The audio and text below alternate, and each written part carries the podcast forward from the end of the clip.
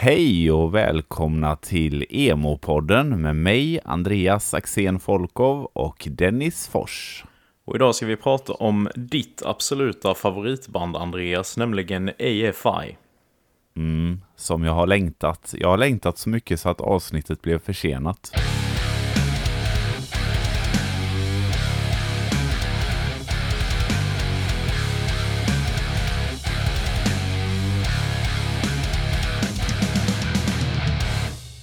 Ja, vi kan väl börja då med att adressera varför avsnittet eh, aldrig kom eh, förra veckan. Vi har ju väldigt mycket på gång i båda våra liv nu, eller hur? Ja, jag vill även be om ursäkt såklart för att vi inte höll våran deadline på den 13. Men jag håller ju på att flytta här och packa ner ett helt hem med allt vad det innebär och dessutom så har jag haft en jättefebrig son här hemma som eh, vid inspelningstillfället som vi hade förra gången kräktes eh, mängder. Ja. så att eh, det blev en omöjlighet den här månaden tyvärr. Och du har ju också haft en del på ditt bord. Ja, jag är ju bara några veckor ifrån min examen nu så det är ju fullt upp med inlämningar och redovisningar och allt vad det är. Så det, ja, det har varit körigt nu så vi fick tyvärr skjuta på det. Ja, men eh, samtidigt så känner jag idag ett mycket större, en större inre harmoni än vad jag kände när vi påbörjade förra inspelningen. Så att det känns som att vi har bättre förutsättningar idag faktiskt. Lite bättre skjuts. Ja, exakt just det. Ja, vi kan ju också säga det att vi, vi kör eh, vad vi har lyssnat på, men sen kommer vi skippa releaser i det här avsnittet för att eh, det kommer bli väldigt mycket AFI idag. Eh, och det är ju det det här avsnittet är tänkt som. Så att eh, vi fokar lite på det helt enkelt. Mm, och även Andreas Mins eh, skippar vi ju idag då. Just det, precis. Men eh, musik har vi ju lyssnat på i alla fall och jag har ju lyssnat väldigt mycket på AFI under den här senaste perioden och även Blink som vi ska snacka om i nästa månads avsnitt. Mm. Men jag har hunnit med lite annat också. Har du hunnit med något mer än, än AFI och Blink? Absolut, ja, man, man har ju behövt varva med, med lite annat också. Det, så ja, men precis. Ja. Så eh, jag kan väl börja då. Eh, så spela upp en låt med ett band som jag har lyssnat en del på det senaste, men väldigt mycket för några år sedan när den här skivan var högaktuell. Och eh, ja, den, eh, den kommer här.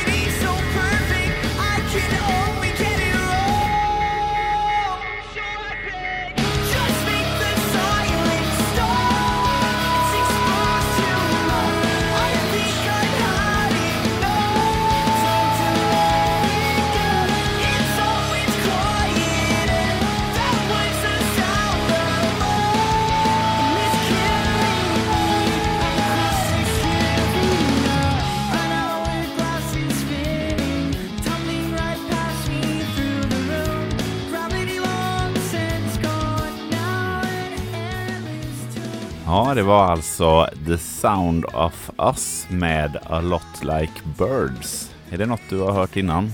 Förutom förra gången vi spelade ja, in. precis. Jag, hann ju höra en liten snutt av det när vi försökte spela in sist, men inte innan dess kan jag ju säga. Nej. Men eh, Nej, det, lät, du... det lät väldigt bra. Eh, jag fastnade ju väldigt mycket för framförallt sångrösten här. Eh, lät väldigt emo och gött. Ja, han är ju svinduktig, men det är, det är lite kul där för att det här bandet har ju hållit på ett tag och innan så hade de en skrikvokalist och en clean-vokalist. Men clean-vokalisten hoppade av och lämnades med bara eh, Corey, tror jag han heter, som då skötte skriket. Och eh, vad jag såg i någon intervju eh, för många år sedan så, så dök Corey upp en dag och bara jag har tagit lite sånglektioner här i, i smyg och eh, jag tror att jag ändå kan sjunga nu på nya skivan. Så han bara kom dit och typ presenterade sin nya röst och eh, det gjorde att bandet tog en ny riktning och har nästan inga skrik på den skivan. Trots att den enda vokalisten som var kvar då var egentligen då skrikvokalisten. Ja, det, är, det är väldigt speciellt men väldigt, ja, väldigt speciellt. Ja, för innan så var bandet lite sådär Dance Gavin Dance-aktigt eller hur man nu ska uttrycka det. Mm. Eh, men, men nu, eh, de, de bytte bana lite och jag tyckte att den här skivan var helt magisk när den kom 2016 eller 2017. Eh, tyvärr så slutade bandet efter den här skivan och, och, gjorde inget mer och det är ju alltid tråkigt men eh, den här skivan är grym i alla fall. Mm. Bra tips, jag får kolla in resten av den. Mm, ja, det får du absolut göra. Ja.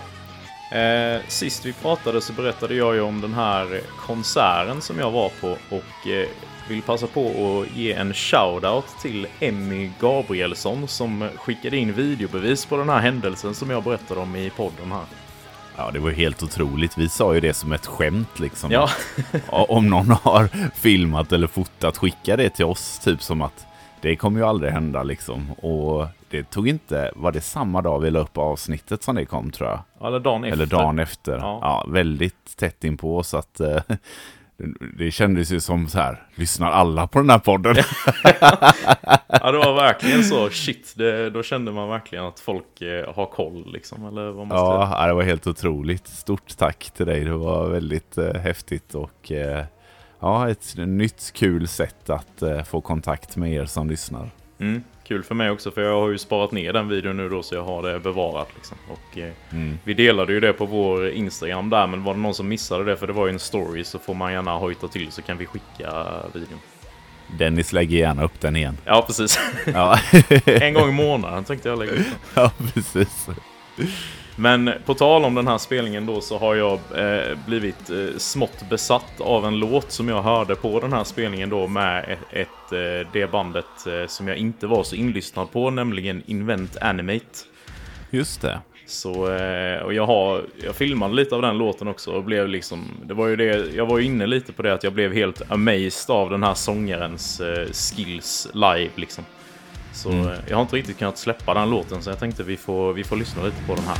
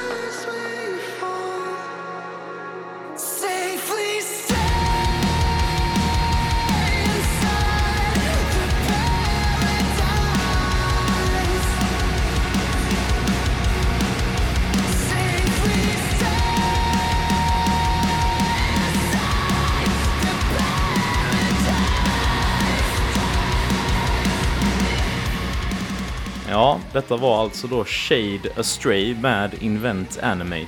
Vad tyckte du?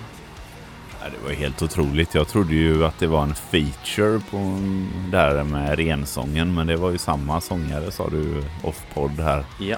Det, vi försöker ju spela upp oftast runt 45, 50, ibland 60 sekunder i avsnitten, men ibland när vi sitter och lyssnar här så, så är det lätt att det spiller över och det här ja. var ett sånt ögonblick. Äh, svinbra alltså, det här ja. måste jag ju lyssna mer på. Ja, de har ju släppt ett album här nu i år och jag tycker ju det är årets absolut bästa album än så länge så det kan jag verkligen rekommendera till alla. Mm. Ja, det ska jag verkligen kolla in. Jag... Eh känner att det blir svårt att toppa det här, men jag, jag ska... no pressure. Jag ska, nej, precis. Nej, men jag ska spela upp en låt till och det här är ett band som jag har eh, lyssnat väldigt mycket på eh, från ja, 2006 2007 där någonstans fram tills eh, ja, nu. De är fortfarande aktiva. Kan tycka att förra och förrförra skivan var kanske inte deras bästa skivor, men de har släppt ett par singlar här som låter riktigt, riktigt bra. Och eh, jag ska spela upp lite från den senaste singeln som kommer här.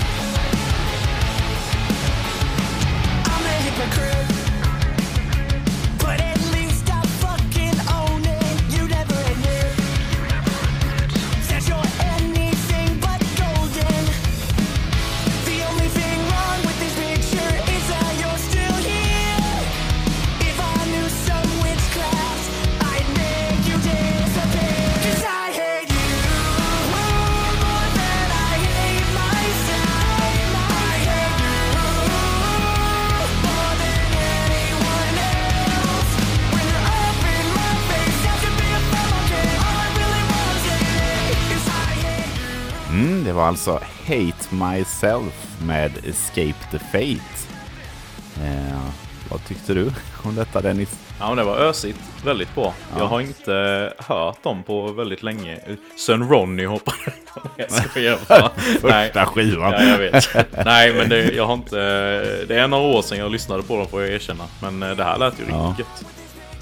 Ja, jag, jag måste ju säga att jag har en man crush på Craig Mabbitt då som är vokalisten. Mm. Eh, han är ju en av mina favoriter, eh, både eh, rensång och eh, han har ju helt grymma skrik också.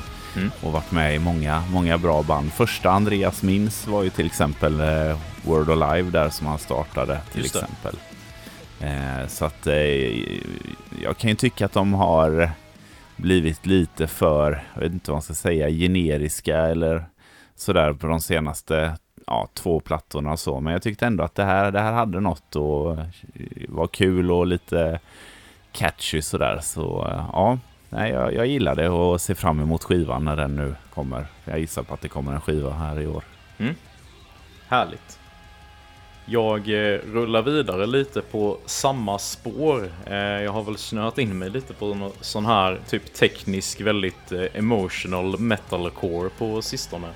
Lite som det vi hörde innan här. Så jag tänkte spela upp en låt med ett band som heter Currents. Är det något du har koll på? Nej, inte currently. Nej. Nej, sorry. Nej, men kanske efter, efter den här låten då. Så vi, ja, vi får se. Ja. Jag är ju från Göteborg.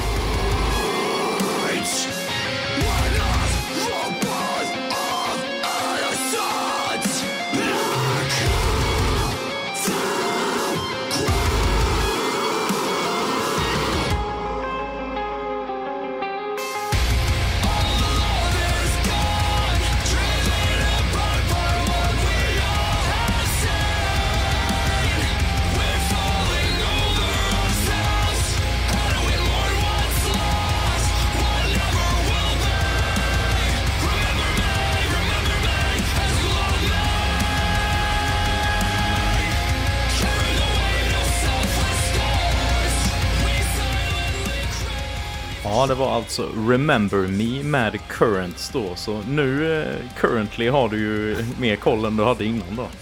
Ja, shit, vad fan vad du levererar idag. Vilka Oj. jävla topplåtar. Herregud, det här var verkligen i mitt eh, passande, i min smak. Bägge två, de var ju svinbra. Jag älskade han. han det kändes som att han hade lite ändå egen sångröst eh, för genren. Eh, mm. Inte, inte det här liksom klassiska eh, popsnöre-sången som många i genren har liksom. Nej, det är lite så här mellan, vad man ska säga, mid-pitch nästan. Alltså, ja, men precis. Bara, ja, inte så här jättemörk och inte det här klassiskt väldigt ljusa heller, utan där Nej. emellan där liksom.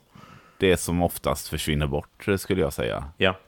Ja, jag ligger ju där när jag sjunger mid-pitch. Det är ju inte så bra. Jag ska. eh, nej, men eh, ja, nej, väldigt eh, bra bägge två. Men ja, det här gillade jag jättemycket. Så att, mm. har jag två nya goa låtar att lyssna på. Och jag med. Men mm. du, nu, nu när du ändå var inne på det att du sjunger där, vill du inte passa på att nämna att du har släppt en låt idag? Det kanske jag vill. Fast inte idag då, eller idag vid inspelning, men inte ja. idag när, du, när ni lyssnar. Men idag när ni lyssnar, oavsett när, så finns det en eh, ny singel som jag släppte den 18 april då. Eh, och det är inte en ny singel, utan det är en låt som jag faktiskt eh, trillade över eh, på en gammal hårddisk när jag höll på bara satt och sporadiskt tittade i datorn för några veckor sedan. Jag skickade den till dig Mm. Eh, och eh, då skrev du eh, fan vad grym den var eller något sånt. Mm. Eh, och då kände jag det kanske den är. Så då tänkte jag det kan vara kul att släppa.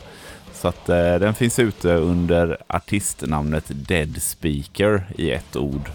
Och eh, låten heter helt enkelt Post Hardcore 2011 för att det var då jag spelade in den. Och den känns väldigt mycket post-hardcore 2011, eller vad tycker du? Jo, det gör den verkligen. Det är väldigt passande namn. mm. Den rekommenderas. Ja, tyckte, du kan ju berätta lite vad du tyckte om den. Ja men det är gött, den är gött tugg i den. Det är bra growl va? Det händer mycket. Bra ös. Ja. Tycker du att den känns eh, 2011 Ja det gör den. typisk, Liksom? Ja. Definitivt. Ja. Så ja, men det tycker jag också. Mm. Jag blev lite nostalgisk när jag hörde den faktiskt. För att det, det var en av de första låtarna, eller det var den första låten jag gjorde själv liksom utan ett, ett band så. Eh, så att, eh, mm, ja, det var roligt.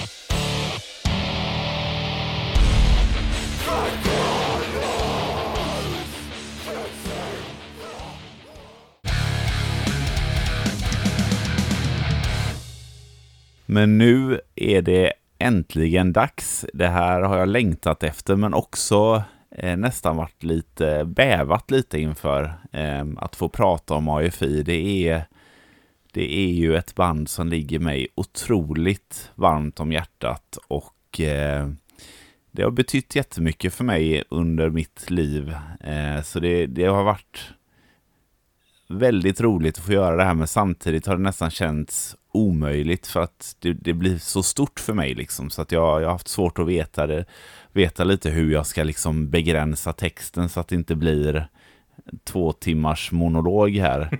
Eh, men jag har skrivit ett litet stycke om, eh, som främst är om deras historia, men eh, lite inflikningar med personliga, ja, personliga inslag också. Så att eh, det blir lite Andreas monolog här, men, eh, men nu kör vi. Det gör vi. Hösten 2000 gick jag första året i gymnasiet. Jag hade, jag hade ganska nyligen blivit tillsammans med Lisa som gick i samma klass som jag. Jag lyssnade mycket på hiphop under den här tiden, men jag ville gärna imponera på min nyblivna flickvän genom att kolla in lite av den musiken som hon lyssnade på. Och hon gillade bland annat Black Sabbath, Metallica och ett band som hette, eller heter, The Misfits. Och de sistnämnda var helt nya för mig. Så en dag efter skolan så åkte jag hem. Jag sökte efter The, The Misfits på Napster. det här var ju år 2000 då. Eh, och jag hittade ett par låtar som jag laddade ner. Eh, och någon dag eller två senare, det här tog ju ganska lång tid back in the day, så några dagar senare så satt jag och lyssnade på de här låtarna i Winamp, för er som minns. Eh, och den låten som stod ut mest var Last Caress.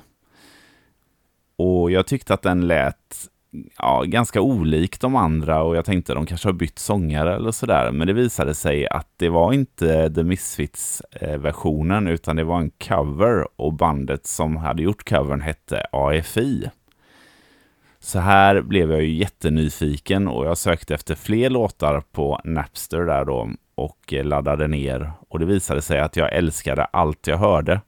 Så det dröjde inte länge innan jag hade beställt, innan jag hade beställt hem flera av deras skivor. Det här var helt ny musik för mig och jag kände nästan samma förälskelse till AFI som jag gjorde till min dåvarande flickvän.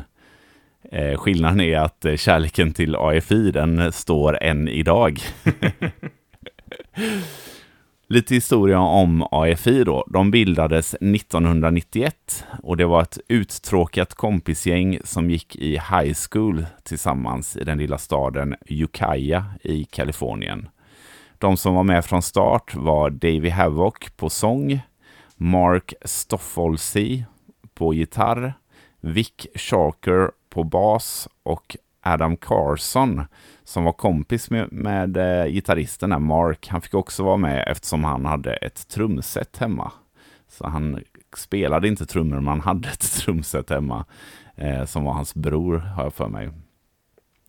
Basisten Vic tröttnade ganska fort och ersattes utav Jeff Kresk. Efter att de hade spelat ett par år så valde bandet 1993 att ta en paus. Flera av medlemmarna hade nämligen kommit in på universitet i andra städer. Men på vinterlovet samma år så hade bandet en reunionspelning på The Phoenix Theatre. Och mottagandet var enligt dem helt otroligt. Publiken kunde deras texter och sjöng med i låtarna. Så det här gjorde att bandet valde att hoppa av sina respektiva utbildningar och satsa på musiken på heltid. Ganska modigt ändå. Eh, den här The Phoenix Theatre tog väl typ 300 pers eller något sånt. Så att det var ju stort för dem då som var i eh, ja, eh, 18-årsåldern där. Men eh, ja, väldigt modigt skulle jag säga. Under de närmsta åren så levde bandet mer eller mindre ute på turné och varvade detta med att spela in lite egna 7-tums-vinyler med 2-4 låtar på. Till slut så hade de skrivit tillräckligt med låtar för att spela in sin första skiva. Den 4 juli 1995 släpptes Answer That and Stay Fashionable. Och man kan säga att det här är en samlingsskiva med låtarna som bandet gjorde under sina fyra första år. Många av låtarna finns att hitta på deras tidigare EPs och en av låtarna ger faktiskt cred till den första basisten, Vic Shaker. Albumet har ett eh, tidstypiskt punksound med låtar runt två minuter. Men jag tycker ändå att det finns något som, eh, ja, en egen charm på den här skivan och även om det inte är något som jag lyssnar på så mycket nu så har jag lyssnat väldigt mycket på den här i omgångar. Så här tänkte jag spela upp en av mina favoriter från albumet Answer That and Stay Fashionable.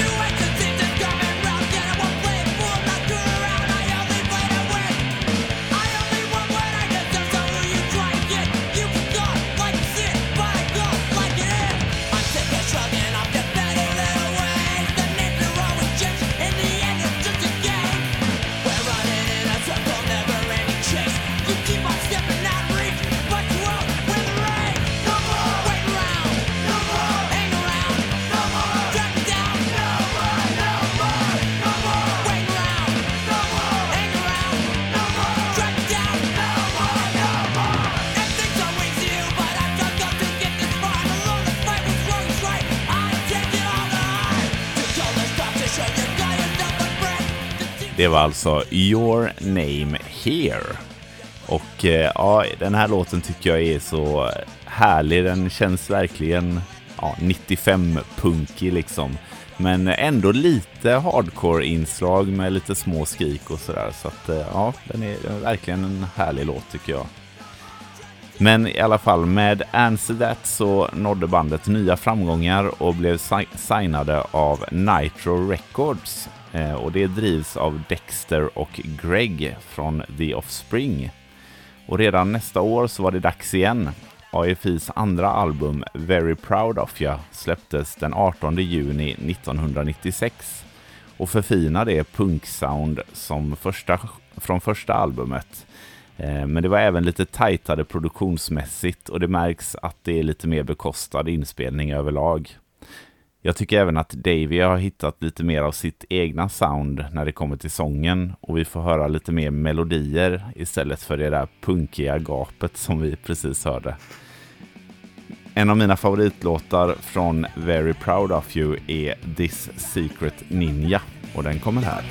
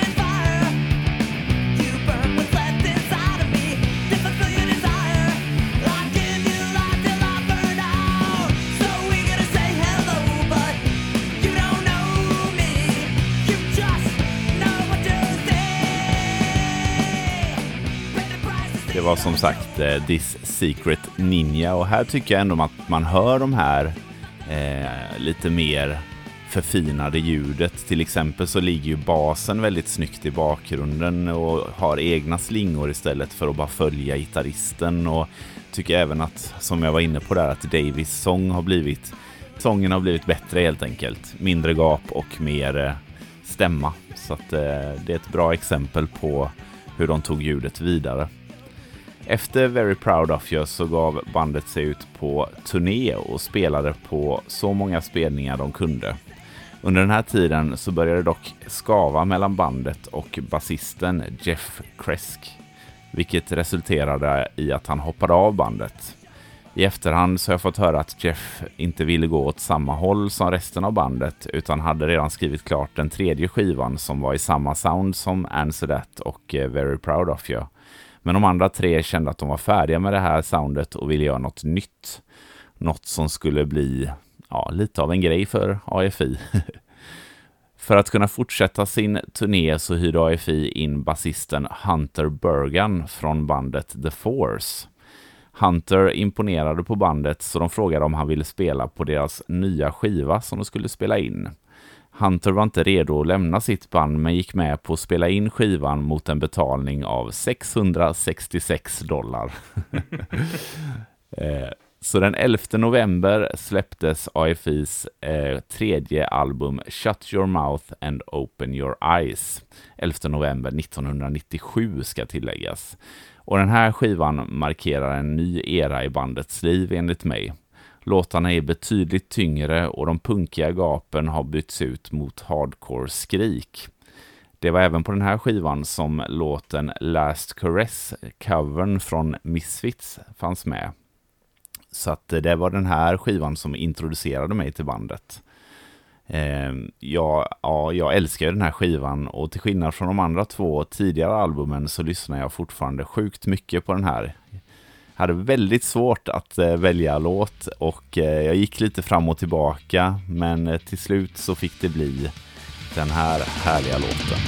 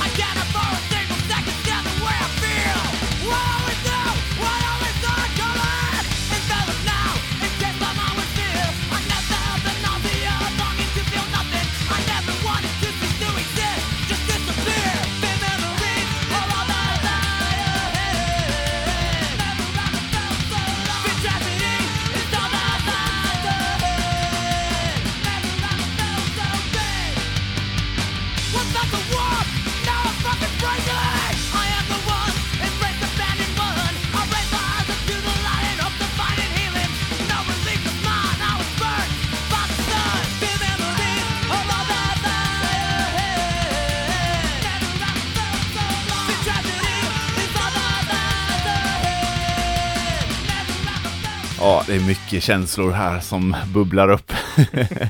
det här är ju från en, en speciell tid i mitt liv så att eh, ja, det, det bankar hårt i mitt AFI-hjärta när jag lyssnar på det här. Eh, den här låten har ju även en grym feature, en av få features, typ den enda som AFI har haft och det är ju av den grymma sången Nick 13 som har bandet Tiger Army som jag nämnde som en av mina favoritband som inte tillhör emo-spektrat i nyårsspecialen. Så det bandet kan jag verkligen rekommendera. Han är riktigt grym. Men efter det här albumet då, när det var släppt, så valde Hunter att gå med i AFI på heltid. Och året därpå, 1998, så släpptes EPn A Fire Inside, som också cementerade vad AFI stod för. Jag kommer inte spela upp någon låt från den här EPn, men den är riktigt grym och de två egna låtarna Overexposure, Overexposure och 3,5, 3,5 eh, fortsätter med det sound som fanns på Shut Your Mouth.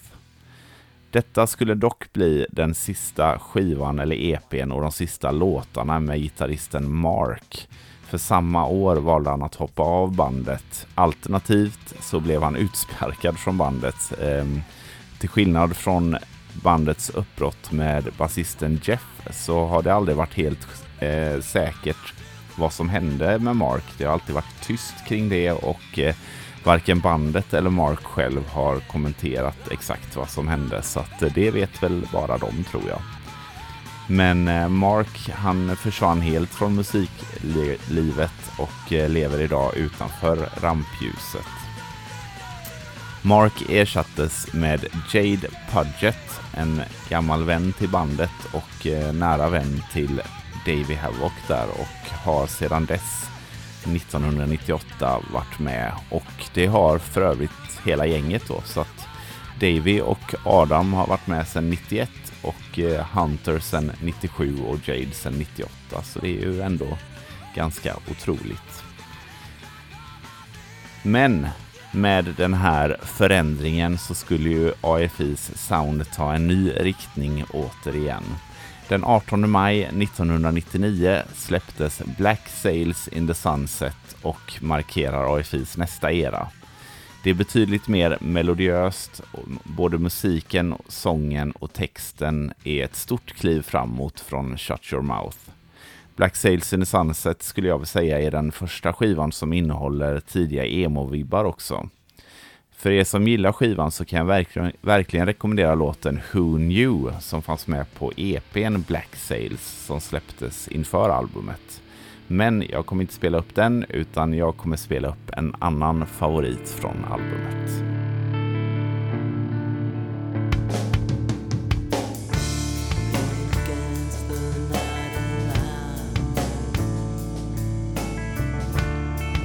I try to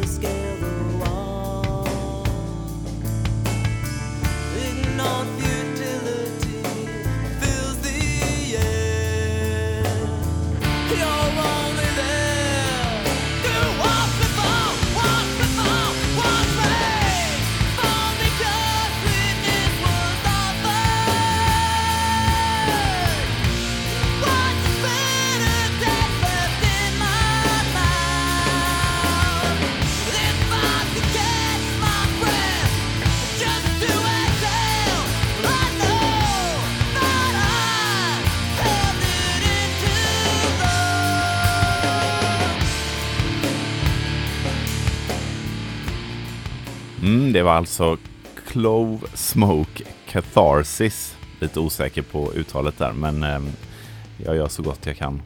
Eh, den här låten tycker jag också är eh, svinbra, men även här var det svårt att välja. Det är många bra låtar på det här albumet och eh, albumets sista låt, God Called In Sick Today, spelas som tradition som avslutande låt på i stort sett alla spelningar sedan den här skivan släpptes. Men året därpå så ville bandet passa på att fira sin favorithögtid, Halloween. Så de spelade in och släppte EPn All Hallows den 5 oktober 1999. Tre riktigt grymma egna låtar samt en ny Misfits-cover. Såklart låten Halloween då. Eh, låt, deras egna låt The Boy Who Destroyed the World var med på soundtracket för spelet Tony Hawks Pro Skater 3 och markerade lite kommersiell succé för bandet. Eh, återigen, jag kommer inte spela upp någon låt, men EPn är grym. Eh, så kolla in den. Den har lite mer det här punkiga, horrorpunkiga soundet, eh, men riktigt, riktigt bra alltså. Kring den här tiden så började det även cirkulera rykten om att Misfits ville ha med David Havok som sångare Michael Graves, som då var bandets andra sångare, hade nyligen lämnat bandet och Jerry Only tyckte tydligen att Davy hade passat perfekt. Davy kommenterar detta i en intervju med att säga att AFI är hans huvudfokus och skulle han någon gång gästa Misfits så skulle han vilja höra det från Glenn Danzig själv. Lite kul extra trivia där. AFI kämpade på och med vind i ryggen så påbörjades inspelningen för deras nästa skiva, deras största hittills. The Art of Drowning släpptes den 19 september år 2000 och var första albumet som lyckades ta sig in på Billboard 200-listan. Plats 174, men ändå. Singeln Days of the Phoenix, en hommage till The Phoenix Theatre, just det stället där bandet gjort succé och valt att satsa på musiken många år tidigare fick en hel del radiotid och videon spelades till och med på MTV. The Art of Drowning är ja, ytterligare ett magiskt album, det känns som jag säger det varje gång här, utan några low points. Så att ehm, ja, det är svårt att välja här och jag vill peka på låten A Winter's Tale som var med på Days of, Days of the Phoenix EPn som är svinbra. Men jag ska spela upp en låt som kom med på albumet och den kommer här.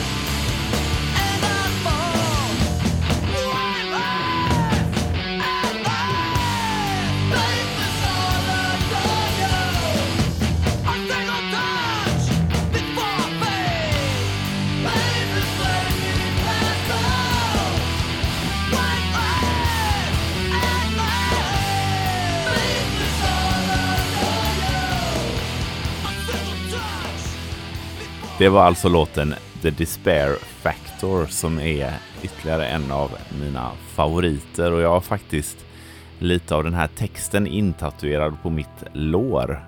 Och eh, ja, en av många AFI-tatueringar som det har blivit under, under åren, under låren. Efter succén med The Art of Drowning så valde AFI att lämna skivbolaget Nitro Records och söka lyckan hos ett större bolag. Det landade till slut hos Dreamworks som tydligen har skivbolag också. Och med stöd av bolaget fick de möjlighet att jobba med två riktiga legender på den nya skivan. Tidigare AFI-album har ju i stort sett producerats av bandet själv men med hjälp av Dreamworks så kunde de anlita Butch Vig och Jerry Finn eh, som producenter då. Butch Vig är ju bland annat känd för att ha producerat Nirvanas skiva Nevermind och Jerry Finn har jobbat med andra band som till exempel Blink 182, Green Day och Sum 41. Så det är inget dåligt CV på någon av de här gubbarna. Under tiden i studion så spelade AFI in många fler låtar än vad som kom ut på albumet och under åren så har dessa låtar släppts på olika singlar som bonusmaterial och liknande. Albumet Sing the Sorrow släpptes den 11 mars 2003 och AFI tog återigen steget in i en ny era. Inte bara musikaliskt, där de på många sätt förfinade soundet från Art of Drowning, men de experimenterade även med nya saker som tyngre skrik, elektroniska inslag och även poppigare låtar än tidigare. Det här var bandets stora genombrott. Sing the Sorrow deb debuterade på femte plats på Billboardlistan och flera av singlarna spelades på radio och syntes på tv. Med Sing the Sorrow kunde AFI för första gången turnera i Europa och när de spelade i London sommaren 2003, 2003 så var jag givetvis där. Det var, som jag brukar säga, en magisk upplevelse och jag stod typ i chock under hela spelningen. För fram tills detta så hade jag inte varit på så många konserter och jag hade liksom, det här var ju mitt stora band eh, första riktiga bandet egentligen som jag hade tyckt om så här mycket. Så att få se det live och uppleva det i stort sett för första gången, det var, ja, det var en riktig dröm alltså. Eh, senare samma år så kom de faktiskt till Stockholm och jag plockade med min dåvarande flickvän Lisa och åkte upp för att se dem igen. Och när vi väntade utanför i kön, vem kom förbi då om inte Hunter med en påse mat. Men eh, jag kunde inte låta honom gå förbi så att jag ropade på honom och det blev att vi stod och snackade i typ 10 minuter. Han var verkligen supertrevlig och signerade min biljett och den har jag kvar någonstans här hemma.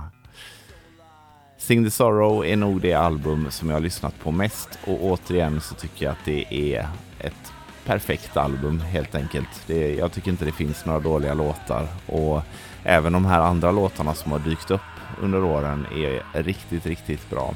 Så det var svårt att välja, men eh, jag tänkte spela upp den låten som jag tyckte var, stack ut mest och som även öppnade upp mina öron för nya band och nya genrer. Och den kommer här.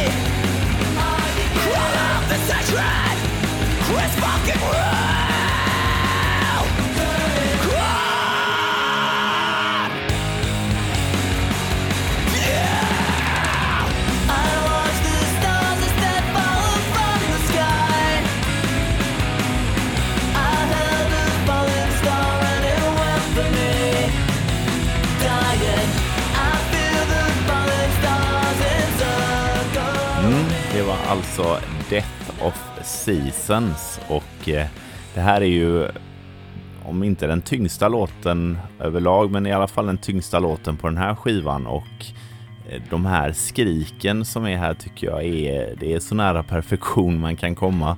Eh, och det här var väl också det som ledde mig in på lite mer av den musiken, post-hardcore och metalcore och sådär. Så att eh, det är, de har öppnat upp ögonen för, för många nya genrer, det här bandet. Eh, men efter Sing the Sorrow så spenderade AFI flera år med att mer eller mindre turnera. De spelade live på MTV och syntes till lite överallt, även i vanlig media. Det ledde till att bandet blev signade av Interscope Records som då var det största skivbolaget i världen. Bandet skulle återigen jobba med Jerry Finn och ribban var högt sagt, satt efter succén med Sing the Sorrow. Lite drygt tre år efter Sing the Sorrow, den 24 april, släpptes 2006 då, släpptes den första singeln från det kommande albumet och AFIs största låt hittills, nämligen Miss Murder. Låten och videon spelades extremt mycket och till och med jag som inbitet fan kan säga att jag tröttnat på den här låten både en och två gånger. Singeln följdes upp av albumet December Underground som släpptes den 6 juni 2006. Eller då 6 i 6 06 som det blir. Lite töntigt, men ändå. och December Underground, det är ju min personliga favorit av alla AFI-skivor och den innehåller en sån extrem bredd. Allt från det klassiska AFI-soundet på till exempel The Killing Lights till den syntpoppiga låten 37 mm till den hardcore tunga Kill Caustic och allt däremellan. Trots det så tycker jag att AFI lyckas binda ihop låtarna på ett sånt sätt så att det känns som att det hänger ihop under det här December Underground-paraplyet. Vissa av låtarna som till exempel Miss Murder och Love Like Winter tillsammans med bandet, eller kanske framförallt Davey Havocs look under den här perioden gjorde att många placerade AFI i emo-facket. Återigen så var det otroligt svårt att välja låt, men till slut så landade jag på den poppigaste låten på albumet som jag verkligen älskar och den kommer här.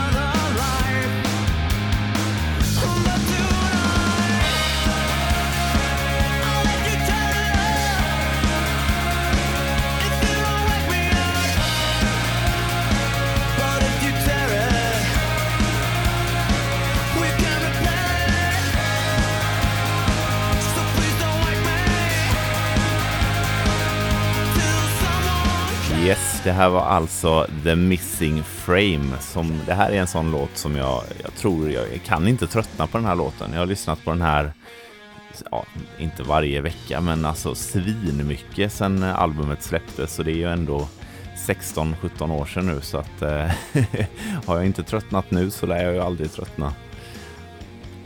Som en liten side-note så måste jag också nämna att Davy och Jade, eh, de har ett sidoprojekt som heter Black Audio. Eh, det är helt och hållet elektronisk musik, men ja, det här är också riktigt, riktigt bra. Den första skivan, Sex Cells, släpptes i augusti 2007 eh, och vid inspelning idag så har de släppt totalt sex album som Black Audio.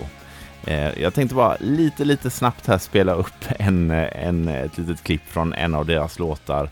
Det är en av mina favoritlåtar med dem. Det är från det tredje albumet Material och låten heter Waiting to be told.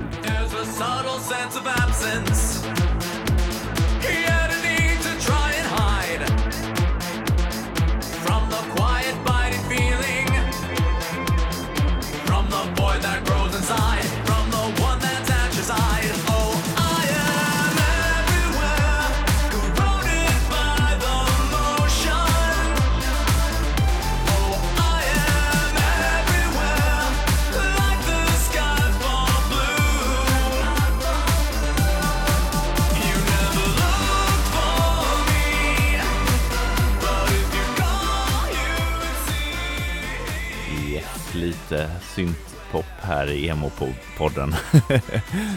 Men ja, i alla fall åter till AFI. Efter den enorma succén med December Underground och eh, egentligen som band där de bara gått uppåt och framåt sedan start så blev det naturligt att till slut få en dipp. Inför bandets nästa album så var förväntningarna skyhöga jag var otroligt engagerad i musik och i synnerhet i AFI under den här perioden och minns hur snacket gick på olika forum och fansidor. Många hoppades, på, många hoppades på ett ännu hårdare sound eller att det skulle kanske bli lite mer som Sing the Sorrow. Andra hoppades på mer emo och ville se något i stil av The Black Parade med My Chemical Romance. Men istället så släppte AFI den 29 september 2009 albumet Crash Love. Emo-looken hade bytts ut mot stilrena svarta skjortor och ljudbilden var mer mogen och poppig. Jag var en av dem som hoppades på att det skulle vara tyngre album med mer skrik, men istället så fick jag alltså ett mognare och mer vuxet AFI med stora poplåtar som till exempel Beautiful Thieves och Medicate. Till en början blev jag faktiskt väldigt besviken, men efter det hade lagt sig så kommer jag älska det här albumet och idag är det mitt favoritalbum efter December Underground då såklart. Under åren så har RFI skrivit många bra, lugna låtar som till exempel The Interview från December Underground eller Morningstar från The Art of Drowning. Men på Crash Love så finns min personliga favorit och den kommer här.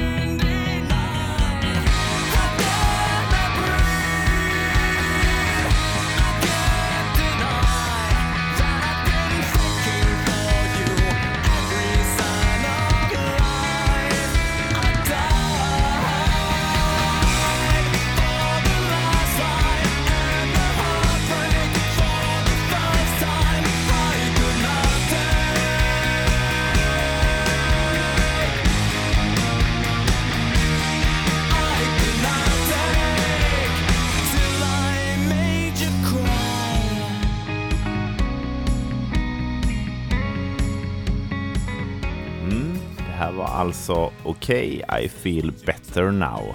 Som eh, är enligt mig den bästa balladen de har gjort. Eh, väldigt många kvällar har jag spenderat med den här låten när jag har varit hjärtekrossad eller eh, sådär ibland när man har åkt buss och varit singel och sett någon snygg och tänkt att det kunde blivit vi. Ja, kan relatera. Ja, och så går man hem och bara Varför sa jag inget? Det kunde blivit vi. Och så lyssnar man på den här låten istället. Det är den låten för mig. I alla fall.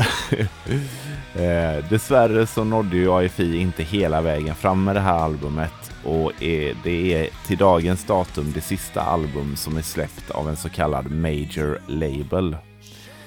Efter det så spenderade bandet en del tid ifrån varandra. Jag vet att Davy och Jade eh, höll på en del med sitt sidoprojekt Black Audio under den här perioden. Så det skulle dröja fyra år tills nästa album. Och det albumet heter Burials och släpptes då den 22 oktober 2013. Och det, jag skulle nog säga att Burials är den mörka sidan till Crash Love. Om man skulle se dem som en dubbel-LP så tycker jag ju att Crash Love är en ganska glad och peppig skiva med mycket svängiga refränger och glada toner. Men där Crash Love är glatt och peppigt så är Burials mörk även i texterna.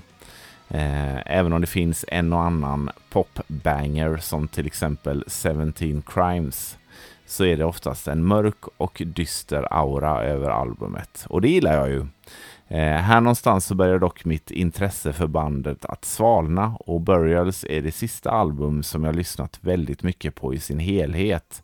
Eh, men helt klart det band som jag, eller helt klart det album som jag lyssnat minst på av de som jag pratat om hittills. Överlag så tycker jag att det är en grym skiva, även om det för första gången finns några spår som jag nästan alltid hoppar över när jag lyssnar på den här skivan. Men en låt som jag aldrig missar är den här.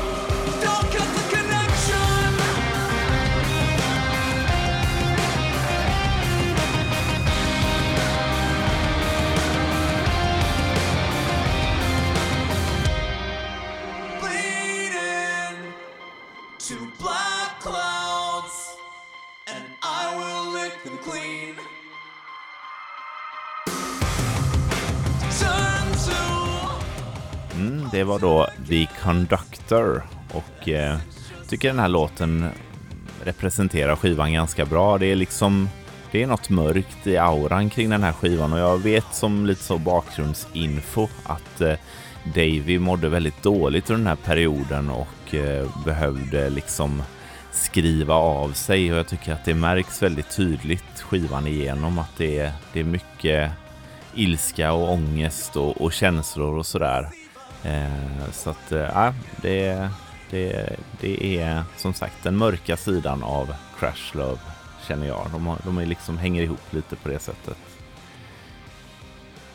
Den 20 januari 2017, 26 år efter bandets start, så släppte AFI sitt tionde album som helt enkelt heter AFI, men kallas för The Blood Album. Eh, som jag sa innan så hade mitt intresse för bandet börjat svalna redan på förra albumet och tyvärr så lyftes det inte med The Blood. Även om jag, även om jag har några låtar från albumet som jag tycker är helt magiska så uppskattar jag inte riktigt riktningen som bandet tog på det här albumet. Och det är nog första gången som jag faktiskt ogillar vissa låtar. Men som kontrast till det så fick detta albumet mig att uppskatta förra albumet Burials ännu mer. För när jag väl lyssnade på The Blood-album så kände jag att de bitarna som jag gillade med det fanns i Burials. Så att eh, Burials fick liksom ett, ett nytt eh, vad ska man säga, en andra chans. och eh, jag lärde mig att uppskatta den jättemycket och eh, tycker att den är svinbra idag. Så att, eh, det gjorde The Blood Album i alla fall. Men eh, ja, jag tycker som sagt att det finns en del riktigt bra låtar och en av de, mina favoriter är den första singeln från skivan och den här låten känns väldigt mycket AFI och den kommer här. Am I coy enough, not boy enough?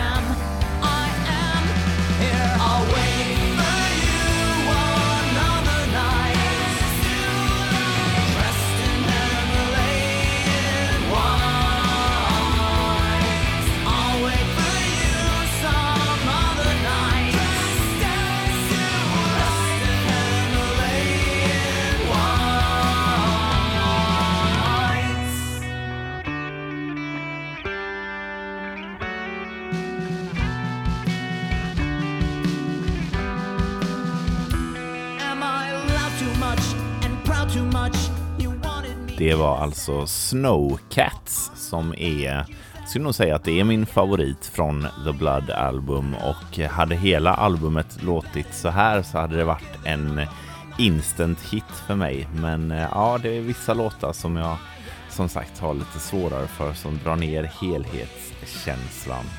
Men redan nästa, nästa år, den 7 december 2018, så släppte AFI en EP med fem låtar som heter The Missing Man EP.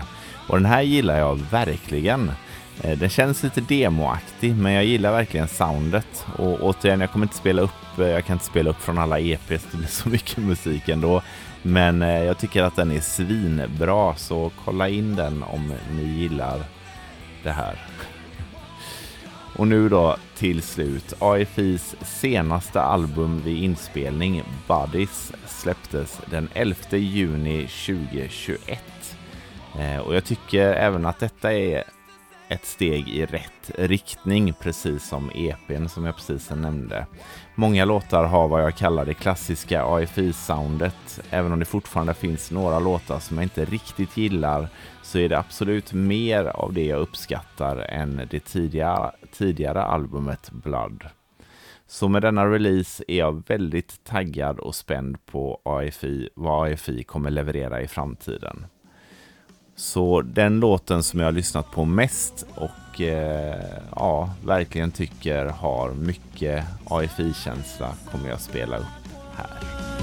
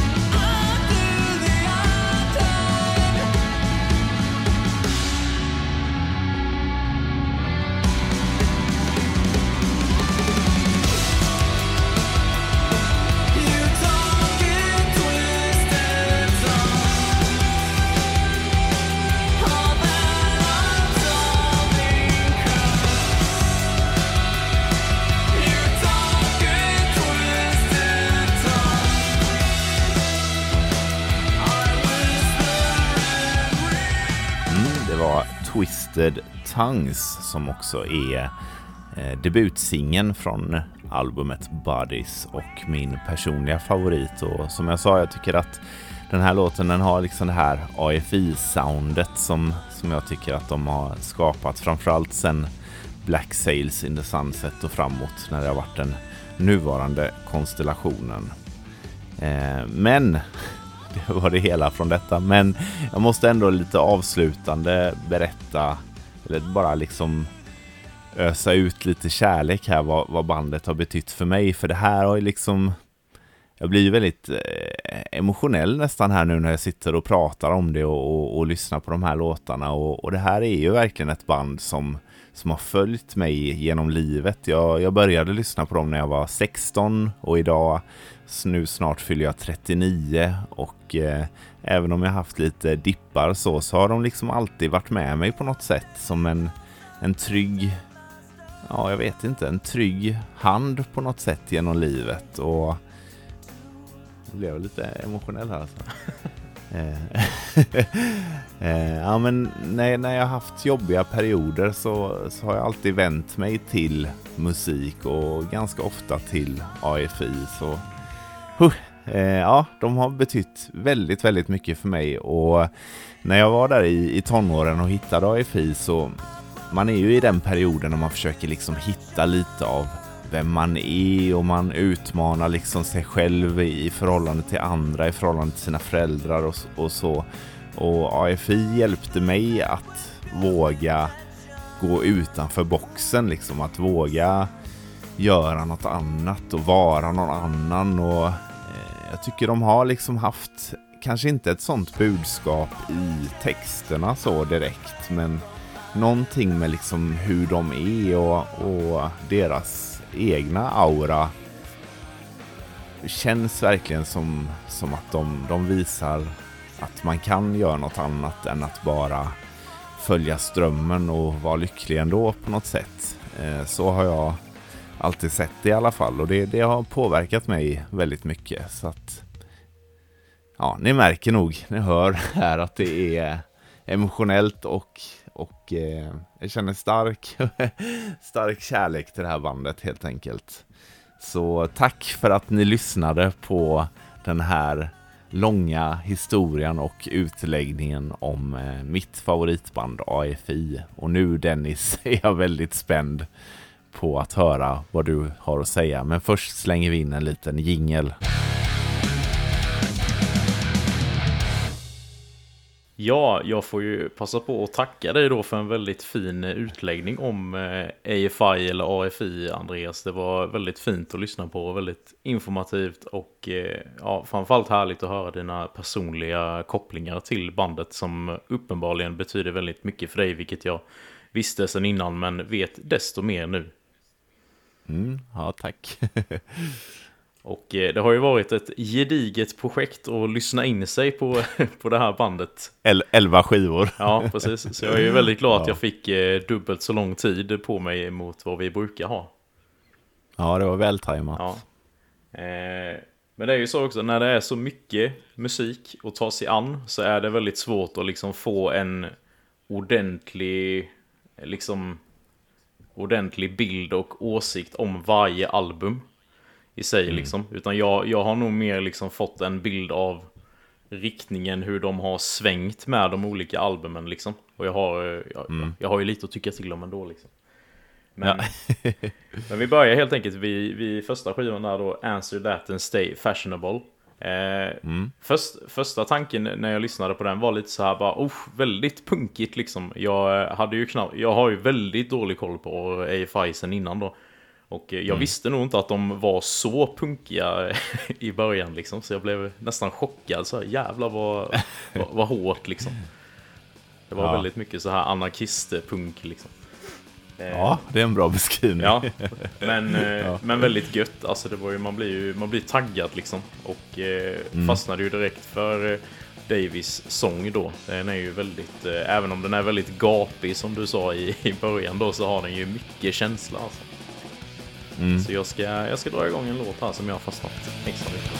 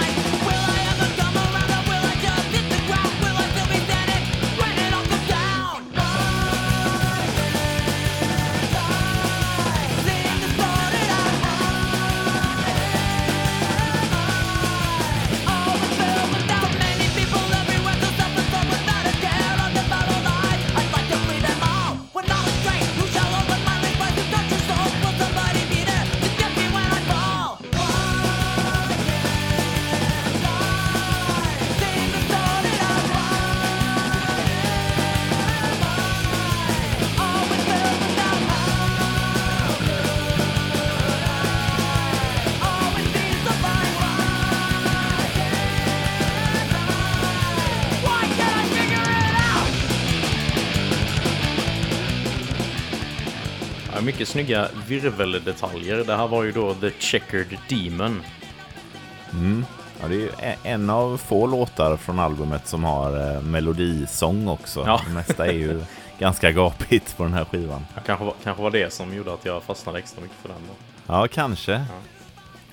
Eh, om vi sen då ser till andra skivan så har jag väl typ samma uppfattning av den. Jag tyckte, för mig var inte steget så jättestort upp mellan de två skivorna utan det var lite, lite mer melodisk sång kanske men annars ganska samma image liksom.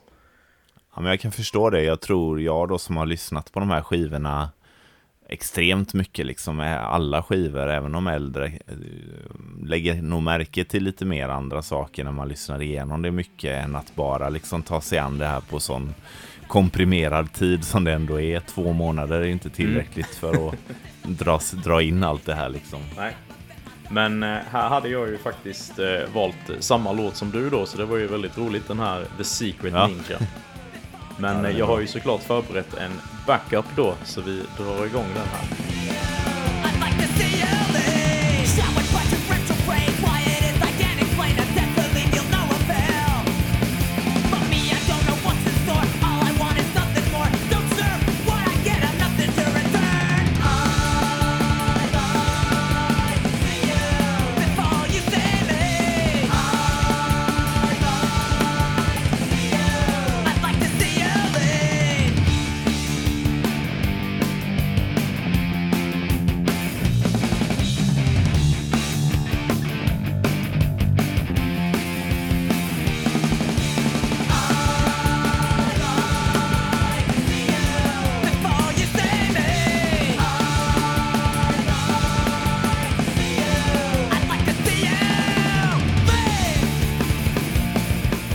Ja, detta var ju då alltså Two of a Kind som du nämnde där finns med på båda de första skivorna då.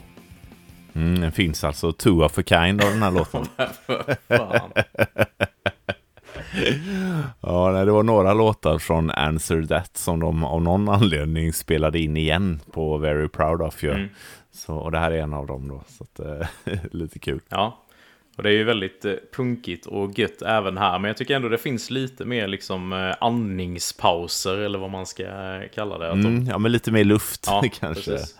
Ja, jag tror också att det är lite grann, lite snyggare produktion och lite mer budget och, och sådär. Och sen, det händer väl lite i, i ens liv, alltså i deras liv som musiker och sådär. Så Mm. jag tycker ändå att det, det är en naturlig progression från förra skivan. Precis. Och då är vi ju framme vid tredje skivan. Shut your mouth and open your eyes. Du får rätta mig om jag har råkat skriva albumen i fel ordning eller något. Men, eh, Nej, det är korrekt än så länge. Mm. Och här har jag skrivit i mina anteckningar från när jag lyssnade på den första gången då att det här var eh, betydligt eh, bättre. Ett steg i rätt riktning helt klart. Mm. Det är väl lite hårdare kan man väl säga. Det var väl här de introducerade lite mer skrik och så. Så ja, det tilltalar mig mer. Jag är ju inte så ren punkig i grunden kan jag väl inte påstå. Men eh, jag tycker Davis Nej. sång gjorde det ändå mer attraktivt för mig på de här två första skivorna än många andra punkband skulle göra. Ja, vad kul. Och eh, ja, jag har valt ut en låt här som inte var samma som du. Och eh, den Nej. kommer här helt enkelt.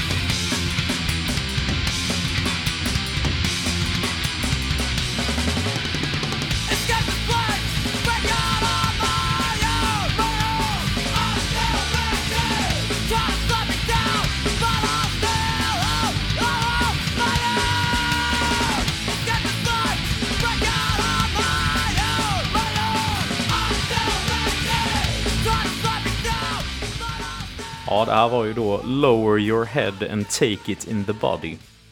Ja, Punkig titel. jävla god. Ja, verkligen. Ja, det är väldigt ösigt det här och det är, det är ju en väldigt eh, skrikig skiva, eller vad man ska säga. Mm. Eh, och snabb skiva. Det, ja, jag gillar den här. Den, jag tycker den håller än idag. Mm. Ja, verkligen. Den har åldrats betydligt bättre än de första två, tycker jag.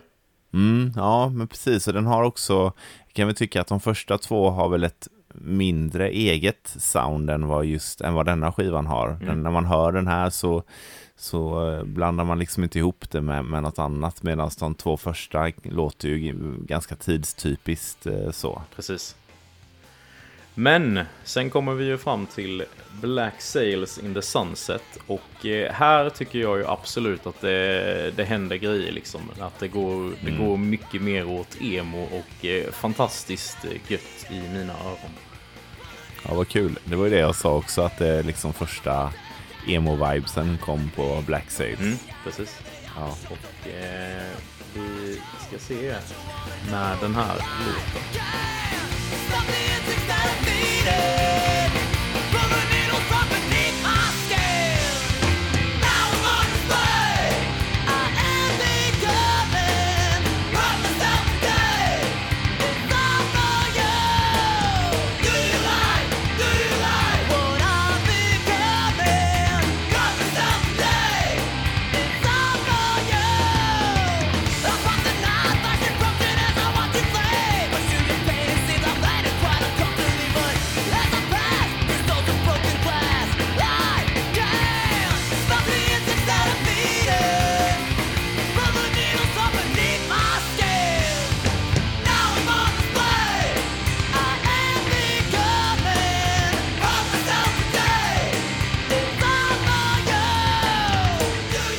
Och detta var alltså låten The Last Kiss som jag tycker är väldigt, väldigt bra. Framförallt den här otroligt catchy refrängen.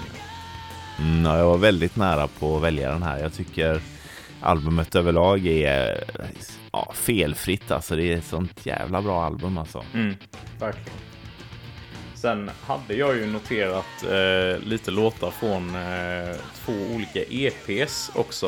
Eh, men jag tror att jag kommer inte heller spela upp dem här för att det blir så matigt annars. Utan vi fokuserar på albumen tänker jag. Men jag kan ju nämna dem. Ja, Och det var ju då den här The Boy Who Destroyed the World som du nämnde som jag har hört kul. i. Jag tror till och med jag har hört den i, med i något annat tv-spel också utöver Tony Hawk. Där det, om det är något motocross-spel eller något som jag har kört eh, där den har varit med. ja det är inte omöjligt om det är så här att de har köpt samma licens. Eller Nej, någonting. precis. Nej. Eh, och så var det ju den här som du skrev och tipsade om, den här 336 EPn. Just det. Mm. Då är den här låten Now the World eh, otroligt bra med framförallt en kanontext. Reagerade jag på. Ja. Den eh, 336 kan jag bara nämna, den släpptes ju innan Sing the Sorrow då som en liten pre- pre-teaser med två låtar som eh, sen var med på eh, en av specialutgåvorna av Sing the Sorrow. Eh, och eh, själva releasen var på en 10-tums eh, vinyl eh, begränsad till typ 1000 x eller 5000 x eller något sånt där. Så att, eh, Mm. ja, lite info om den. Ja. Ja, jag skulle ju nämna det också om en, en annan låt där som du nämnde, den här God called in sick today. Just det. En, jag- minns det här väldigt tydligt från tiden när man använde MSN. Att man kunde ju ha så här olika typ statusnamn som man bytte ut och så. Just Och då vet jag att det. en kille i min klass hade det som namn på sin MSN. Så han var ju ett fan av eh, AFI. då. 100 procent ja. Ja. ja. Shout-out till dig, vem du nu Ja, är. precis. alltså det minns jag väldigt tydligt. Så den, när jag såg den titeln, bara aha, det är därifrån. Liksom så här. Ja, ah, fan vad kul. Liten throwback för dig också då. Verkligen. MSN alltså, det var grejer alltså. Det var grejer. Mm, jag hade många sådana sånglåtar och texter och sånt som en sån där eftergrej. Oh ja. Så jävla emo. Ja, då är vi framme vid The Art of Drowning om inte jag misstar mig. Nej, det är korrekt. Mm. Och eh, här tycker jag väl egentligen att det går från klarhet till klarhet. Jag, så jag tyckte det var bara ännu ett steg i rätt riktning för bandet. Eh, jag tror att det var samma åsikt du hade. Mm. Eh, och här hade jag faktiskt också eh, The Despair Factor som du hade valt ut Mm. som favorit. Eh, Ja, den är väldigt bra alltså. ja, väldigt bra. Så jag hade gärna spelat upp den igen men vi får ta min backup. Japp. Och den kommer här.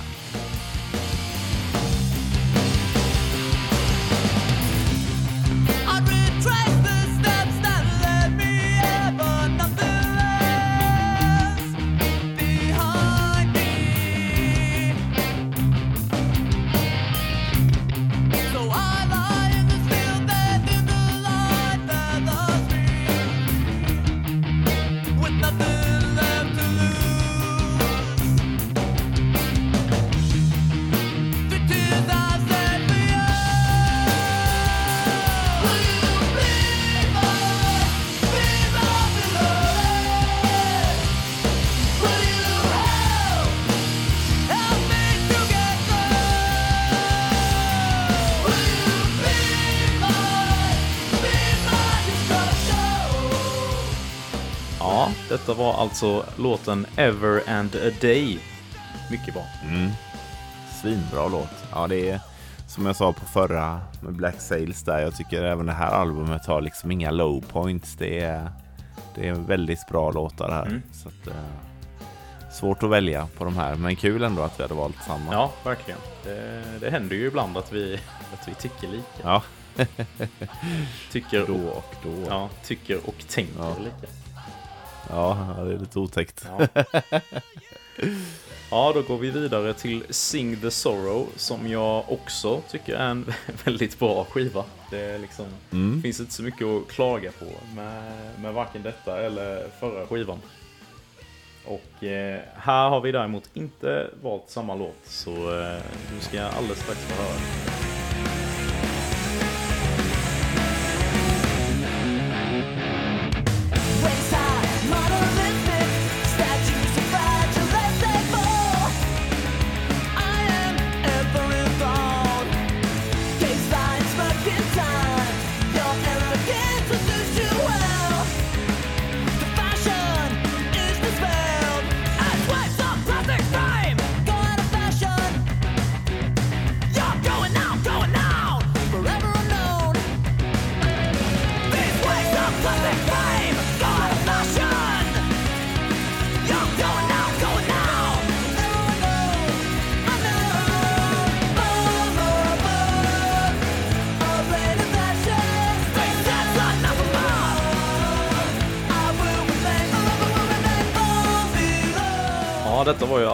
Paper Airplanes Makeshift Wings som jag tyckte hade ett väldigt ösigt intro framförallt. Eh, Väldigt rockigt och gött.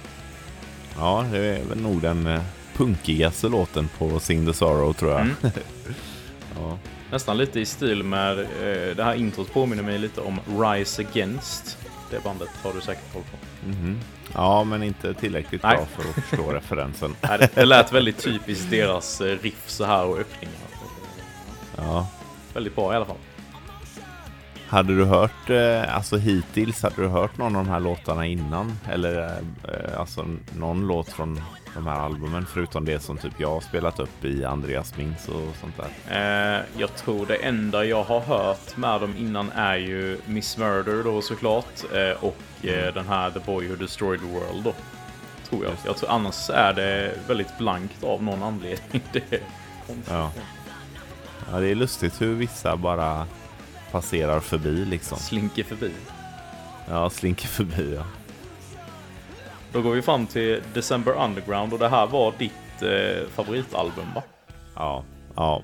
Ja. Jag tycker det är, det är så, man märker ju att det är eh, väldigt, väldigt välproducerat tycker jag. Det är, men inte för polerat, men det, det har sån bredd liksom. Det finns så mycket gott, men precis som jag sa i mitt, mitt lilla segment, så, eller lilla, lilla. men eh, jag, jag tycker att alla låtar hänger ändå ihop. Det, är- det är liksom eh, allt ifrån den här balladlåten eh, låten Endlessly She Said till den här syntpoplåten och hardcore-låtarna, poplåtarna. Men all, på något sätt så känns det som att de hänger ihop. Det är, det är väldigt... Eh, det är häftigt att ku- kunna göra en sån spretig skiva som ändå hänger samman på något sätt. Mm. Eh, enligt mig då. Så, så nej, det här är absolut en favorit som jag aldrig tröttnar på. Förutom kanske då Miss Murder. Ja, ja den, den har spelat lite överallt. Den var väl med i något sånt här Guitar Hero-spel också, så den, Mm. det blev ännu mer. Trean tror jag. Ja, precis. Det är väl den mest kommersiella av spelen också. Så det, Ja, precis. Eh, nej, så den har man hört eh, x antal gånger. Men eh, resten av skivan var ju nytt för mig, men det var väldigt, väldigt bra. Alltså, jag kan verkligen förstå att detta är en, eller favoriten, men jag kan, kan förstå om många har denna som en av favoriterna också. Mm. För den är, ja, det är en otrolig skiva faktiskt. Och eh, jag trodde faktiskt inte att detta var, jag har ju spekulerat mycket liksom kring vilken din favorit är då när jag har lyssnat igenom dem. För jag vet ju de två skivorna som du har nämnt väldigt mycket i podden här då bland annat är ju Sing the Sorrow och eh, The Art of Drowning. Så jag gissade att det var någon av dem. Så det är kul att har fel där. Ja, Och eh, ja, jag ska såklart också spela upp en låt. Jag hade inte samma som dig på denna, utan jag hade den här.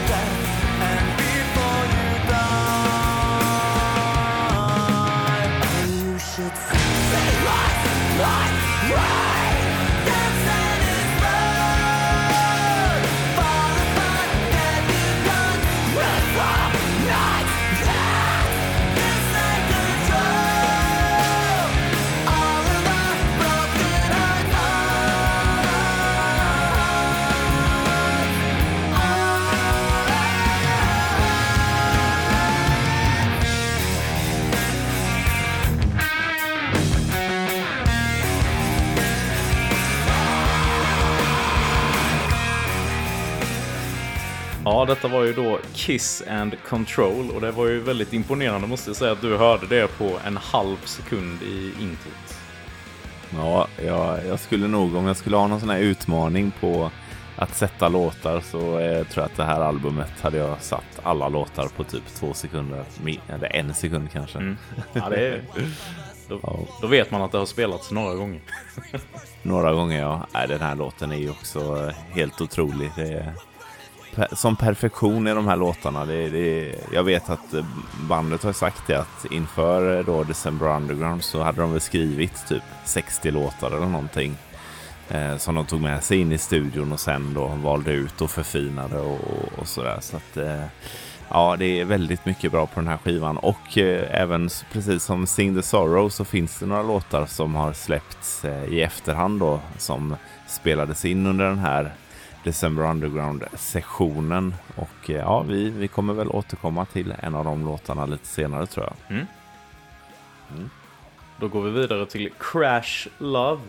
Och eh, Mm. den här skivan fastnade jag för direkt. Men här, här kände jag direkt att det här kan nog ha varit lite av ett kontroversiellt album var liksom min första känsla då när jag Ja, lyssnade vad på kul! det. Ja, Shit! Så det Ja, var, för det var ju precis så det var. Ja, så det var väldigt Ja. roligt att höra dig berätta om det. För det var verkligen, oj, här, här, här blev det nog lite av en vattendelare, eh, tänkte jag. Ja, ja, för det bryter ju av väldigt mycket mot förra albumet. Det finns ju inga skrik, det finns ju inga... Den tyngsta låten, eh, Sacrilege, som är ganska punkig eller ösig eller så, är ju fortfarande väldigt eh, snäll, eller hur man nu ska uttrycka det i jämförelse med typ balladen på December Underground, som även den har skrik då. Så att, Mm. eh, eh, den Endlessly She Said då. Precis. Eh, ja. Ja, det är roligt att du nämner just låten Sacrilege. Det är den jag ska spela upp här va? ja, den är grym alltså.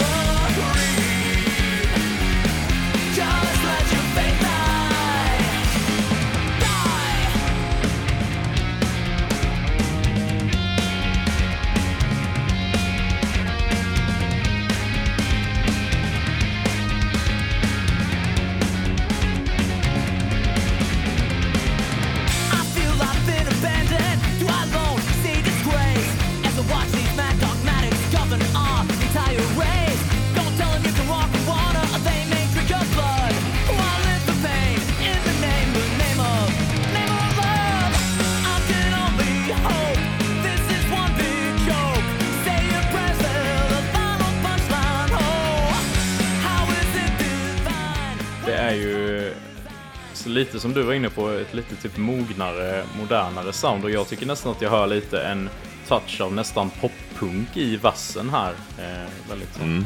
härligt. Ja, jag håller med. Det är... Det har liksom eh, lite glada toner både i riffen och, och i upptakten liksom. eh, Ja, bra upptempo eller hur man nu ska uttrycka det i skivan överlag. Så att eh, lite poppunkigt på sina ställen ja. Och även denna väldigt bra. Det, Mm. det är Ja, lite så här, det, det, det blir så svårt att liksom ha en väldigt distinkt åsikt när det är så många album. Liksom. Mer än Ja. att, eh, om det är bra eller Du, dåligt. får, du kan ju summera lite när du väl har Ja, eh, betat igenom albumen. Och då är vi ju framme vid Burials. Eh, Mm. vad var det du sa där innan? Var det där här du eh, tappade intresset lite först men sen hittade tillbaka i samband med kommande skivan? nästa. Precis, Ja. nej, just kring den här perioden så hade jag väl droppat av lite. Det var ju fyra år mellan de här två skivorna Mm. och eh, jag, jag vet att de här åren då som var liksom 2010 till 2013 då som detta var, det är ju min bästa post-hardcore metalcore period så jag var liksom inne i en annan eh, musik eh, ja, genre då. Sprang mycket på spelningar i Göteborg på liksom ja, Bring Me The Horizon med Suicide Season. Så, eh, fan nu sa jag fel. Suicide Side. Nej, det är Season. Ja, Season är albumet. Ja, ja. Så det var rätt. Eh, och eh, ja, den typen av, av spelningar och musik. Så jag var liksom väldigt inne i, i, i det.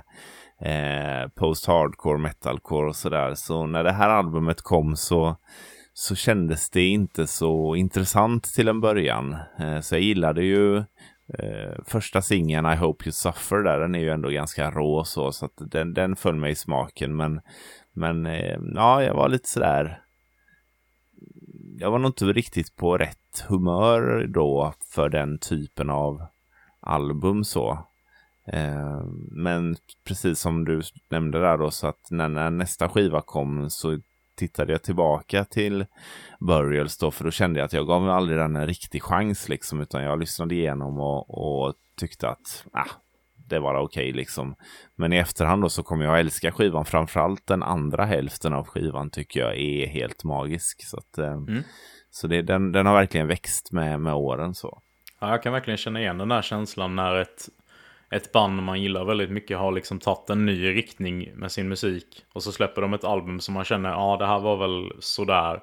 Och sen kommer liksom ett till album som att ta ännu ett kliv åt det hållet och då börjar man liksom se mm. guldklimpar i den skivan innan. Jag kan verkligen relatera. Mm, ja, men sen trodde jag också att det var mycket att jag hade tagit ett annat steg i mitt musikintresse. Det här var ju också kring den tiden som jag själv eh, började göra musik då som, som vi nämnde tidigare där med liksom min första singel där, eller ja, den släpptes ju inte då, men mm. 2011 och så. så att jag, jag var liksom väldigt nedgrottad i det här post-hardcore, metalcore-träsket och då sticker ju den här ut eh, väldigt långt bort från det. Mm, precis. Mm. Eh, ja, vad, ja vad, var, vad var det jag skulle säga? Att, ja, jag vet inte. Nej, jag vet inte varför jag ville referera så mycket till vad du sa. Det var precis som att prata du istället. ja, ja, det gör jag så gärna. Ja, jag vet ju det. ja, nej. men vad, vad kände du om den här skivan i kontrast till Crash Love då till exempel? Ja, men jag tyckte nog också att den var ett litet kliv neråt. Eh, även om jag tyckte det var bra fortfarande. Mm. Men lite som du, ja vi kommer in på det sen, så tror jag nog att jag, eller jag tror nog att jag uppskattade nästa skiva mer faktiskt. Men mm. Spännande. Vi, vi mm. tar och lyssnar på en låt jag har valt ut från Burials. Love is all that's left And I'm emotion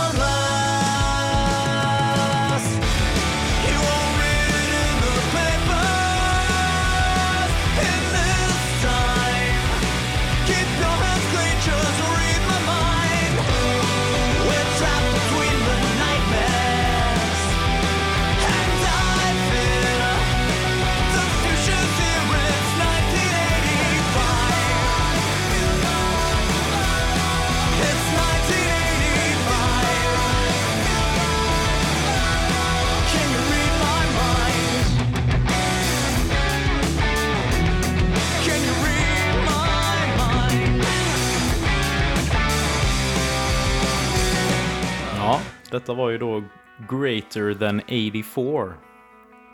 Och eh, jag tycker ju att den här, eh, framförallt i refrängen här då, har ju väldigt så här poppunk, punkrockiga inslag som jag uppskattar väldigt mycket. Mm. Ja, det är väl den här låten och eh, 17 Crimes som eh, är de peppigaste låtarna på den här skivan. Annars är det ju ganska mycket mörker över skivan överlag. Mm, precis. Mm. Eh, en bra val av låt. Ja, den är väldigt god. Mm. Men som jag var inne på lite innan där då så tror jag att jag eh, vid första lyssning uppskattade då det här självtitlade albumet AFI eller då The Blood Album lite mer än Burials ändå. Så eh, mm, kul. Ja, Burials blev liksom lite så här. Det glömdes bort lite i mängden på något sätt. Om, om jag ska säga ja. ett album som gjorde det i, mitt i liksom så var Burials ett sånt album. Mm. Ja, men jag kan ändå förstå det. Det ligger ju också, ligger också ganska mycket mellan de två albumen om man ska säga. Det, det är lite som drar fortfarande tillbaka till Crash Love som, som den du spelade upp här. Och sen en del som drar mer åt The Blood-hållet liksom. Så den, mm. den är lite mittemellan så. Precis. Och eh, jag har valt att spela upp den här låten.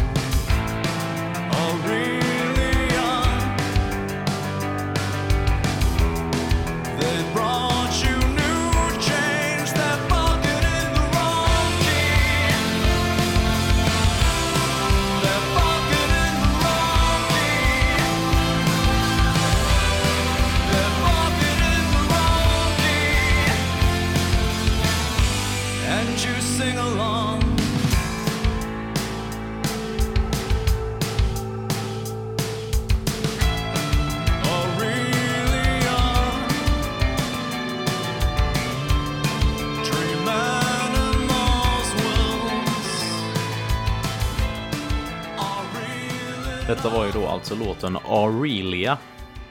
Det gissade Mm. du direkt då när du skulle gissa här off podd vilken låt jag hade valt.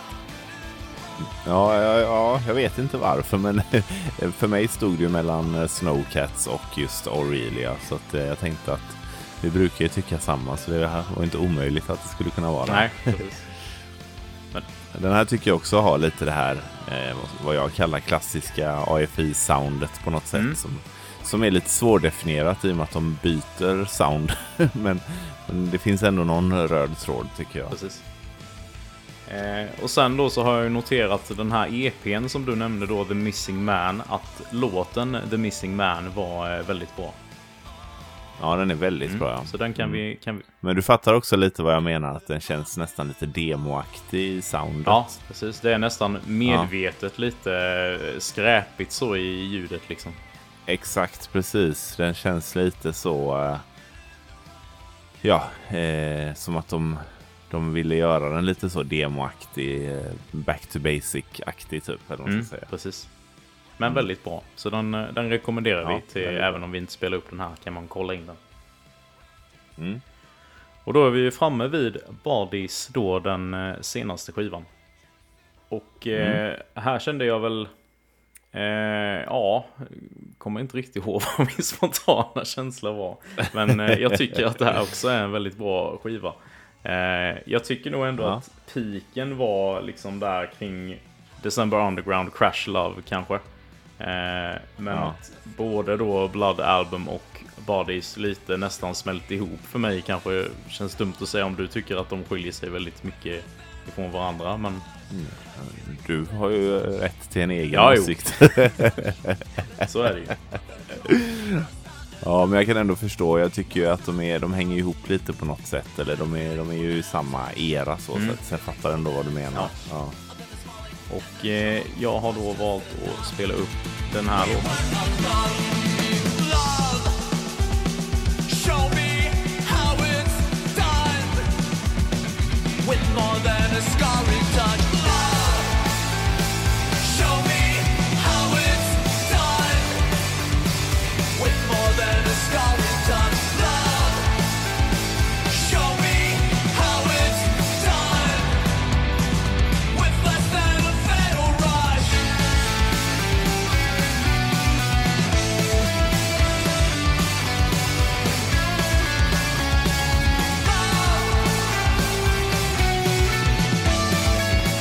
Ja, detta var ju då låten On Your Back. Väldigt så här lite rock'n'rollig i eh, det instrumentala så.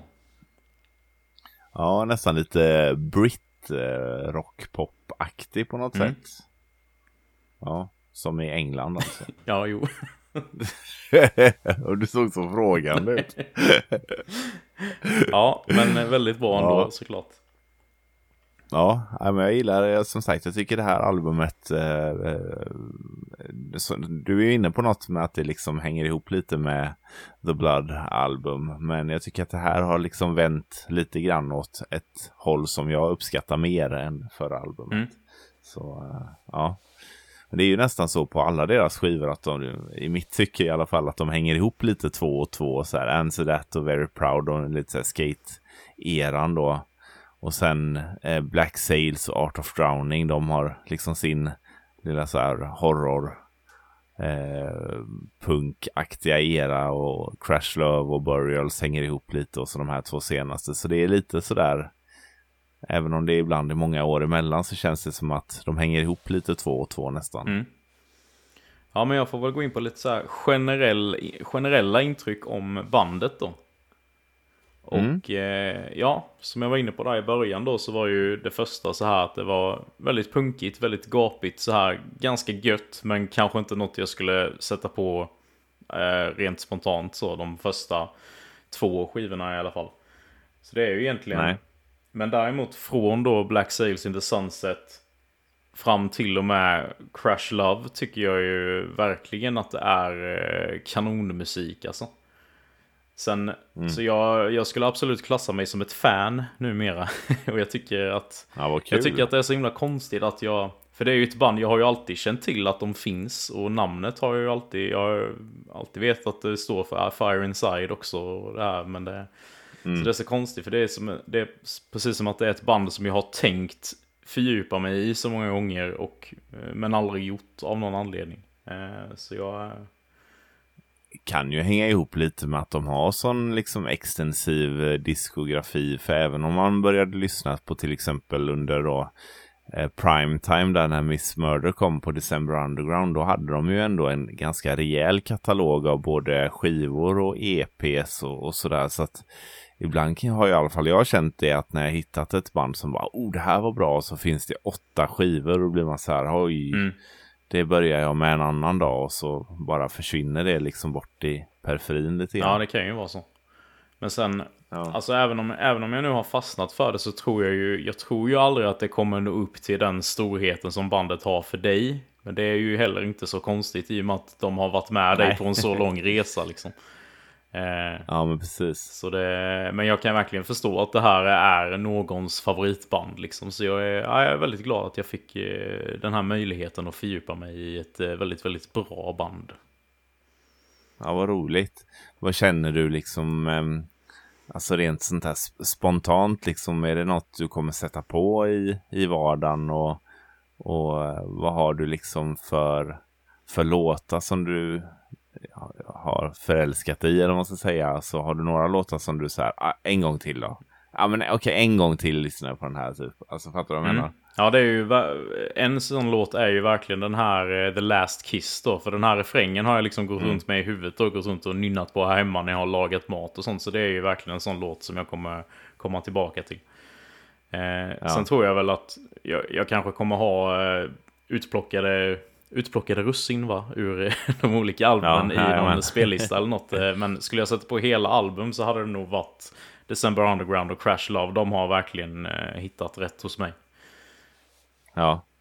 Ja, vad roligt. Ja, Vilken resa. ja verkligen. Och så kul att änt- äntligen få, eh, få göra det här och prata om detta liksom och få berätta lite om, ja, lite grann om mitt liv med AFI. Jag hade ju lätt kunnat köra ett till 40 minuters segment med bara egna upplevelser och, och, och ja, inflikningar och sådär. Jag har ju jag har ju, ja det var ju via AFI och sådär som mitt tatueringsintresse började. Så hela min, i stort sett hela min vänsterarm är ju en AFI-sliv och, och sådär. Så att ja, det finns mycket här. Vi får nästan köra en liten, inte kanske en part two, men liten uppföljare i framtiden med lite annat gott. Mm.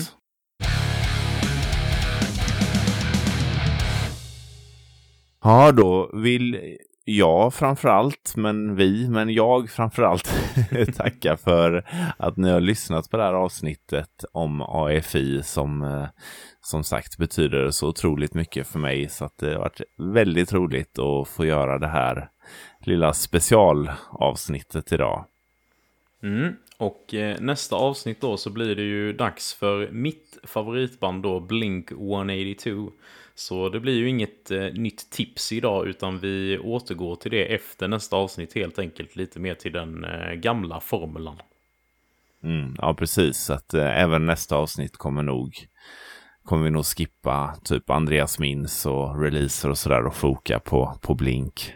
Men eh, ni får ju jättegärna gå in och följa oss på Instagram. Där heter vi helt enkelt Emopodden. Och eh, vill ni komma i kontakt med oss så kan ni göra det där eller så kan ni mejla på emopodden at gmail.com.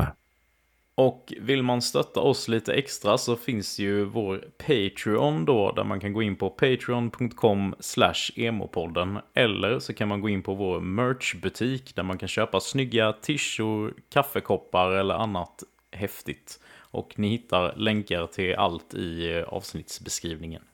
Yes.